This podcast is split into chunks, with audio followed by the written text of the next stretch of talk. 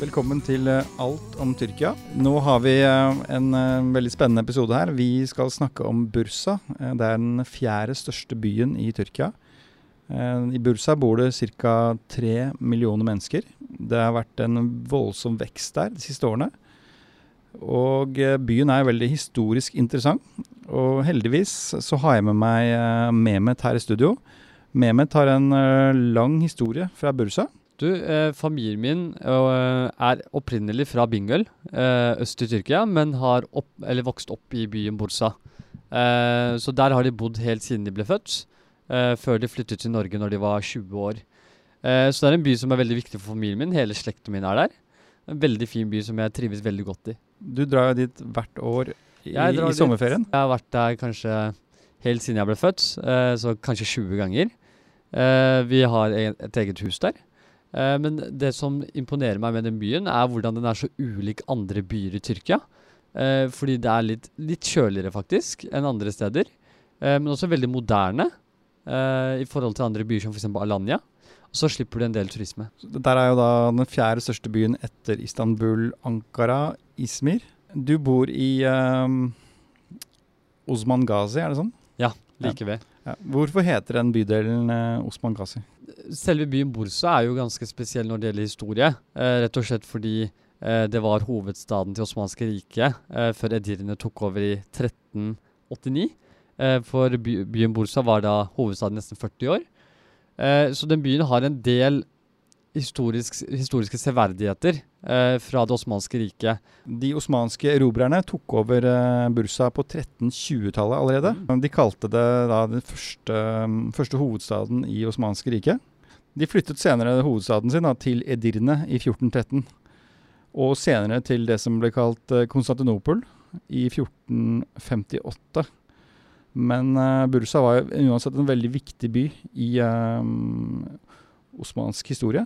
Og den var jo også viktig før det, fordi det har vært bosetting der før 5000, år 5000 før Kristus.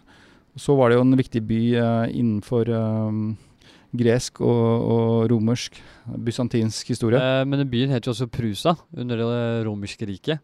Eh, så navnet har jo fortsatt litt den samme klangen. Det er jo litt gøy å se. Jeg har vært på flere av de eh, badene, som kalles for hammam. Og det fineste, syns jeg, er um, en som heter Rustem Pasha Hammam. Rustem Pasha han var jo en uh, slags uh, rådgiver, eller høyre hånd, for uh, sultan Suleiman. Og Rustem Pasha Hammam er veldig, veldig fint. Det er um, svovelholdig vann som kommer opp fra bakken. Når du er ferdig å bade, så kan du um, få sendt opp eh, drikkevarer til uh, annen etasje, hvis du er så heldig å ha um, sånn uh, omkledningskabin i annen etasje. Da kan du få sendt opp en manuell heis det du ønsker å drikke eller spise fra kiosken i lobbyen. Der har jeg faktisk ikke vært. Eh, veldig lite på hammam, og rett og slett eh, grunnen er at det er veldig varmt. Så jeg tåler ikke så veldig mye varme. Og så syns jeg også det er litt vondt når man også får litt massasje av de som jobber der. Eh, Så jeg er ikke så veldig glad i ham men jeg har hørt at det er veldig fint der, og veldig flott for eh, folk å reise dit. Hva har du gjort nå i sommer i Bursa? Du, jeg har vært i Bursa i nesten fem uker nå, eh, og så var jeg en uke i Antalya. Men de fem ukene jeg var i Bursa, så gikk det veldig mye tid til familie først og fremst. For jeg har en veldig stor familie der. Og så har vi en egen gate hvor det bor kun folk fra min egen slekt. Så middagene var jo fullstappa med mennesker, nesten 70-80 stykker. Så veldig trivelig. Eh, og så brukte jeg mye tid på å handle litt. Eh, være litt på de ulike kjøpesentrene, for der er det veldig masse fint. Eh, Bursa er også kjent for eh, å ha en ganske stor eh, handlenæring, altså når det gjelder shopping. Eh, og så var jeg en del rundt omkring i Oloda. Der var jeg to ganger i løpet av sommerferien. Uluda betyr det store fjellet, og det er på 2543 meter. Toppen der, og du var, var der oppe. Eh, og på toppen så er det faktisk kaldt. Eh, jeg, når jeg var der, så var det 11 grader på toppen. Når du kommer opp i denne gondolbanen fra, nesten fra sentrum av eh, Bursa, eller eh, ganske langt nede, og du kommer opp over, eh, opp over byen og opp i fjellsidene, hva er det egentlig du ser da når du ser utover? Når man ser utover når man har satt seg på gondoleisen, er jo at du ser byen. Eh, der er det ganske mye høye bygg. Bursa er ganske kjent for ganske høye bygg i forhold til andre byer. Uh, og så ser du Du ser det aller meste, egentlig, for den er så nærme sentrum. Det har vært en god del turbulens i Tyrkia det siste året. og presidentvalg og parlamentsvalg. Uh, hvordan merket du det i, i dagliglivet når du var der nå i, sommer? Var dette noe folk snakket om mye? Ingenting å legge skjul på at politikk engasjerer folk i Tyrkia, også folk i Bursa. Når jeg var der, så var det ganske stille etter valget, eh, fordi jeg var der like etter at valget var gjennomført. Men jeg var der under 15. juli, eh, og da var det ganske store, altså store folkemengder på gatene som hadde tyrkisk flagg, tyrkisk musikk i bilen, som kjørte rundt.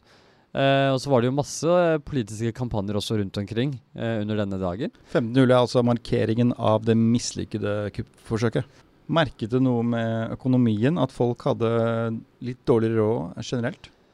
Ja, altså sånn, Når det gjaldt folk ellers, eh, så la jeg ikke så merke, mye merke til om folk hadde dårlig råd, men folk snakket veldig mye om at dollaren for eksempel, hadde steget ganske mye i forhold til den tyrkiske lireen. Eh, og når jeg var der, eh, så var jo en lire 1,6 norske kroner. Det var ganske lavt i forhold til mine tidligere ferier, så det ble jo ganske billig for meg. Eh, men det var jo Det er jo en stor økonomisk krise i Tyrkia. Jeg, sånn, jeg ble litt sjokkert i forhold til min forrige ferie, for da var det tre kroner for en lire. Og nå er den 1,6, så det er jo ganske voldsom nedgang. Eh, og så er det mange som eh, sliter fordi prisene på ulike produkter har også gått opp ganske mye. Eh, Apple for eksempel, sine telefon og iPhone det gikk opp med nesten 2000 tyrkiske i løpet av den sommerferien jeg var i. Det betyr at uh, de fleste tyrkerne vil ha vanskeligheter med å kjøpe i hvert fall importerte varer. Og- Absolutt. ja. Og det tar kanskje tre-fire månedslønn før du får kjøpt en iPhone i Tyrkia. Sånn er det jo ikke i Norge. Vi kan jo legge til at uh, Bursa er en veldig viktig industriby. Det har jo store fabrikker der, bl.a. Uh, Bosch og Fiat. Og Renault er vel også etablert der. Og så er det vel en god del uh, tekstilindustri uh, og noe jordbruk. Veldig mye bilproduksjon Ja. eh, i Bursa. Jeg tror det kanskje er den største byen i Tyrkia når det gjelder bilproduksjon. Eh, de har også egne museer for eh, biler. Eh, men de, alle, de store merkene som f.eks. Fiat, eh, Tofash, eh, som er den tyrkiske gamle varianten av Fiat, eh, den er også veldig populær i Tyrkia og har fabrikken sin i Bursa. Jeg var jo i Bursa under um, kupp, det mislykkede kuppforsøket. Og da ble jeg oppringt av uh, TV 2, nyhetskanalen, uh, og rapporterte uh, fra svigermors balkong på Skype.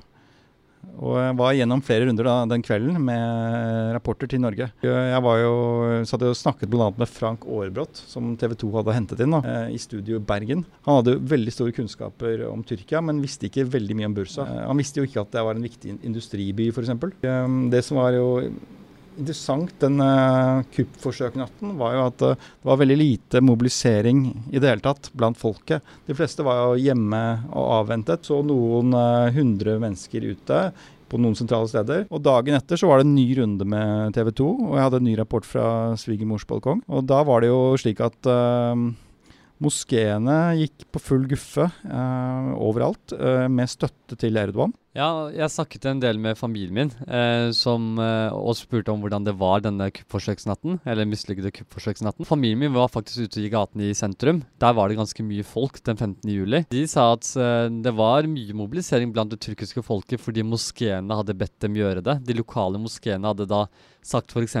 sånn eh, Nå må du ut i gata for å beskytte landet ditt. Eh, og er det én ting tyrkere bryr seg om, så er det landet sitt. Så nasjonalismen står ganske sterkt i Tyrkia blant det tyrkiske folket. Så nå er det noen flere som vet eh, at denne byen eh, eksisterer, så da har man muligheten. Og hvis du vil oppleve noe annet enn Alanya eller Marmaris, så er det bare å ta turen til Bursa, for det er et veldig flott sted.